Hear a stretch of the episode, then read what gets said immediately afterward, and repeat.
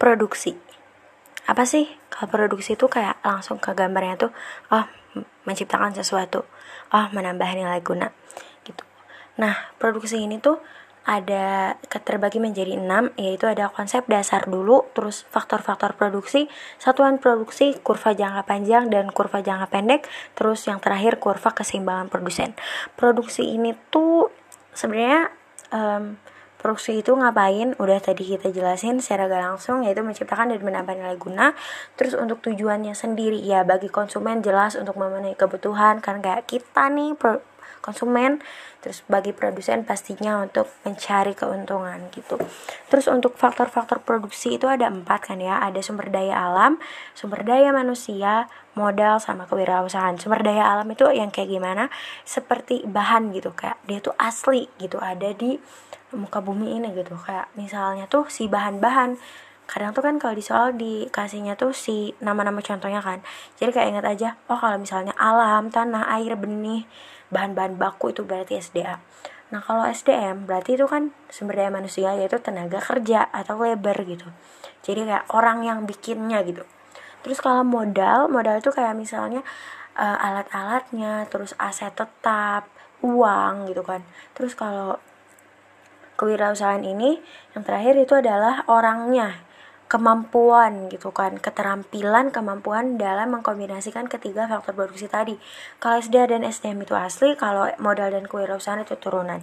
Next ke satuan produksi. Satuan produksi itu eh, yang pertama ada TP total produksi atau total produk jadi ini tuh adalah jumlah total barang ya udah jelas kan total jadi ya udah total barang aja yang diproduksi selama waktu tertentu nah terus ada MP marginal produk jadi ini tuh kalau marginal keywordnya itu adalah tambahan. Ingat aja marginal itu berarti ditambah si barangnya.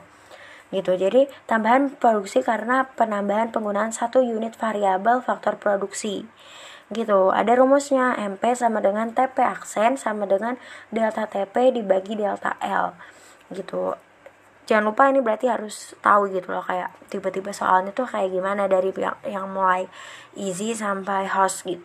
Hot eh host sumpah demi Allah gue lupa terus e, delta TP itu kan berarti selisih penambahan jumlah produksi ya jadi kayak yang di sini misalnya yang ketiga tabel ketiga dikurangi sama tabel kedua gitu terus nanti hasilnya dibagi antara TP sama labor Nah, terus yang terakhir ada average produk atau AP. Jadi rata-rata jumlah yang dihasilkan per tenaga kerja. Rumusnya AP sama dengan TP per L. Nah, terus lanjut ke produksi jangka pendek. Kalau produksi jangka pendek ini berarti ada low diminishing return sama low of diminishing marginal return. Keduanya ini sama aja, cuman bedanya kalau LDR kita singkatnya LDR sama LDMR ya. Kalau LDR ini tuh berarti oh jangan dulu gini dulu. Kenapa bisa terjadi? Yaitu adalah ketika faktor produksi terus ditambah itu tuh bu bukannya malah makin produktif tapi malah akan mengakibatkan penurunan hasil gitu. Karena di sini kita kan ngasih asumsi nih misalnya si lahannya tuh tetap.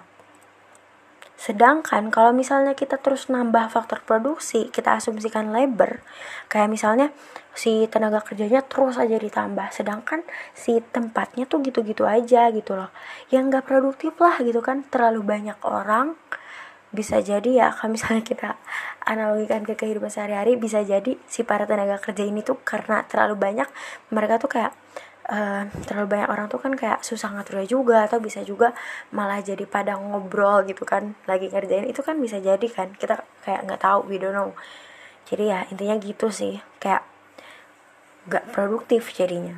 Jadi uh, yang disebut LDR itu adalah hukum penurunan hasil yang diperoleh dan kalau LDMR ini adalah hukum penurunan tambahan hasil yang diperoleh. Si marginalnya gitu kan. Keduanya ini tuh sama aja konsepnya guys. Gitu. Ini tuh tipe-tipe soalnya kalau gue yang, yang gue tahu sih um, gue kan kayak belum terlalu lihat soal kan kayak berupa di mana sih nanti tuh kayak disajikan tabel terus kayak di mana sih tahap yang menunjukkan dia ini LDR atau LDMR gitu. Gitu sih. Terus ada kurvanya juga fase-fasenya. Jadi nanti sebenarnya kalau ekonomi itu harus sambil lihat kurva ya guys. Tapi gak apa-apa here we go.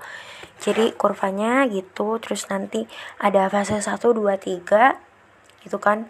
Terus kita tuh harus bisa ngerti secara konsep kalau misalnya fase satu ini tuh lagi tahap apa terus misalnya lagi kayak gimana gitu kan. Terus tahap dua lagi kayak gimana ciri-cirinya bagaimana kayak gitu gitu jadi uh, kurva satu eh kurva satu. Fase satu itu lagi menunjukkan ya kayak masih pada di bawah gitu loh masih pada belum nanjak nanjak tapi ada yang udah nanjak. Ngerti gak sih? Kayak fase satu itu sampai titik MP dan AP sama tapi belum maksimal. Jadi nanti itu si garis kurvanya itu ada garis TP AP sama MP gitu.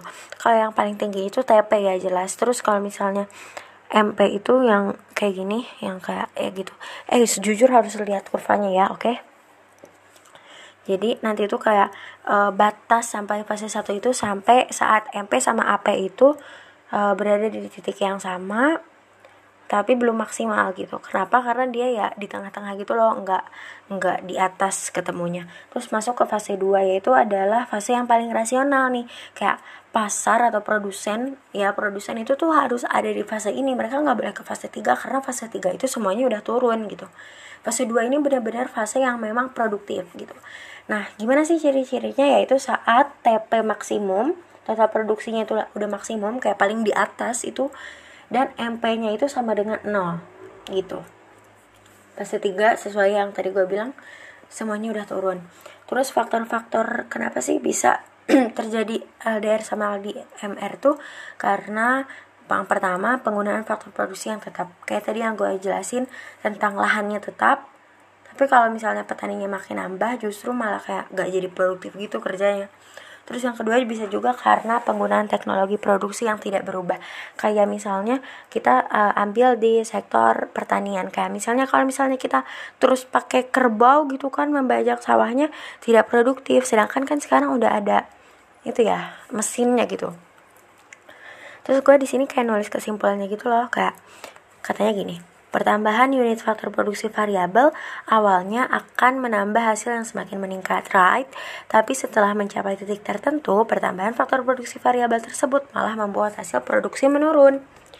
Fungsi produksi itu adalah hubungan antara jumlah labor yang digunakan dengan jumlah barang atau jasa yang dihasilkan. Gitu. Fungsi produksi itu kurvanya ya, LDR sama LDMR. Oke, okay, next, kurva jangka panjang ada kurva isokos sama isokuan. Sekarang gue bahas isokos dulu. Iso berarti sama, kos itu berarti biaya. Berarti kurva isokos itu adalah kurva yang menggambarkan kombinasi penggunaan dua jenis faktor produksi. Kita sebut di sini adalah labor sama kapital atau modal dengan menggunakan biaya yang sama, kos. Iso sama gitu. E, rumusnya kombinasi iso kos itu disebutnya C kan. C kos sama dengan WL ditambah RK. W itu adalah wage rupiah atau upah dikali L atau labor ditambah R atau rent atau sewa dikali K kapital jumlah modal atau mesin bisa. Jadi kayak kan kayak tenaga kerja itu pasti dipasanginnya nanti dia uh, timbal baliknya kan upah. Terus kalau misalnya ada um, kapital modal berarti harus ada sewa juga gitu loh. Kayak gitu gue sih gue ngegambarinnya. Nah ini tuh ada kurvanya juga. Nah si kurvanya ini garis linear gitu kayak seret panjang. Dan kurvanya itu tuh bisa geser bisa rotasi. Gimana sih kalau geser? Nah gue saranin ini kayak harus paham ya secara konsep. Kalau disebutnya tuh kan berarti kalau geser aksen-aksen gitu kan kayak MTK yang pertama kalau geser itu yang penyebabnya karena jika terjadi perubahan harga yang searah pada kedua faktor produksi kalau harga turun berarti makin geser ke kanan. Kalau harga naik berarti makin geser ke kiri. Nah kita nggak bisa kayak ngapalin doang gitu aja, tapi kita harus paham kenapa sih dia kalau turun tuh ke kanan, kenapa kalau naik ke kiri. Gitu. Jadi kalau menurut pemahaman gue ya, kenapa turun itu ke kanan? Kalau misalnya harga faktor produksi turun, berarti makin bisa ditambah berarti makin gesernya ke kanan karena kalau makin gede kan berarti si kurvanya juga makin geser ke kanan yaitu kurvanya makin gede. Jadi bisa ditambah kalau harganya turun si jumlah dua faktor produksi tadi gitu. Kalau harganya naik berarti ya nanti e, faktor produksinya juga berarti jumlahnya itu pasti akan berkurang karena ya mahal gitu kan. Jadi gesernya ke kiri. Terus e, kenapa juga bisa geser? Yang kedua karena terjadi perubahan anggaran produsen atau perusahaan Nah, jadi kalau kemampuan anggarannya naik berarti geser ke kanan. Kalau kemampuan anggarannya turun berarti geser ke kiri. Kebalikannya ya sama yang tadi. Nah, terus kenapa kurva bisa berotasi? Yaitu karena jika terjadi perubahan harga hanya pada satu faktor produksi hingga yang lain tetap. Kalau berotasi itu berarti yang berubahnya harganya itu cuma satu faktor produksi gitu. Kalau misalnya harganya turun, Berarti kan faktor produksi bisa ditambah. Berarti rotasinya ke kanan sesuai searah jarum jarum jarak apaan sih? Sesuai arah jarum jarum jam. Sedangkan sebaliknya kalau harganya naik berarti rotasinya ke kiri. Gitu. Terus ya uh, gue ada contoh sih di sini kayak uh, kayak misalnya dikasih tabel kan si C nya ini misalnya harus dapat 120 gue tuh harus bisa kombinasiin antara jumlah lebar sama mesin itu semuanya tuh harus 120 itu dengan cara ya tadi uh, rumus yang kombinasi isokos gitu. Terus yang kedua itu adalah kurva isokuan. Iso berarti sama, kuan berarti kuantitas. Jadi di sini kuantitas si produksinya. Berarti di sini masuknya output. Uh, sebenarnya uh, sama aja, cuman yang dilihat itu menggambarkan kombinasi penggunaan dua jenis faktor produksi untuk menghasilkan jumlah produksi yang sama. Berarti mau ngelihat outputnya kayak gimana, outputnya berapa gitu misalnya pengen outputnya tuh dapat berapa tapi kombinasinya tuh kayak kayak gimana gitu. Kombinasinya Q sama dengan L dikali K aja as simple as that. Terus kalau kurva geser berarti perubahan kedua faktor perubahan kedua harga faktor produksi secara searah sama kayak tadi. Kalau e, geser ke kanan berarti harga turun sama kayak tadi juga ya. Berarti kan nambah kuantitas berarti geser ke kanan gitu. Kalau e, geser ke kiri berarti harganya naik karena nanti penurunan kemampuan anggaran produksinya. Itu. Kalau misalnya isokuan ini kurvanya itu gini. Uh, cembung ke titik origin atau 0,0 gitu. Dia tuh cembung ya. Terus juga kurva isokuan ini kemiringannya negatif atau berslope negatif turun dari kiri atas ke kanan bawah gitu. Terus e, di mana pun kombinasinya ternyata jumlah produksi yang dihasilkan nggak bisa sama. What the fuck? Kenapa gue nulis itu ya? Tar ya gue pahamin dulu. Ternyata jumlah hmm. Oh jadi kayak kita tuh bisa bikinnya tuh kurvanya tuh cuman ada di satu garis yang itu aja. Kalau misalnya ada di dalam garis yang di, di dalam garis kurva yang tadi berarti itu tuh bisa aja tapi ternyata produsen itu belum memaksimalkan seluruh anggaran. Karena kan kita di sini ngomongnya isokuan kuantitas berarti anggarannya itu belum di um, ituin dimaksimalkan gitu Terus kalau misalnya lebih dari kurva berarti itu tuh gak bisa karena di mana pun kombinasinya ternyata jumlah yang produksi kan harus sama gitu loh.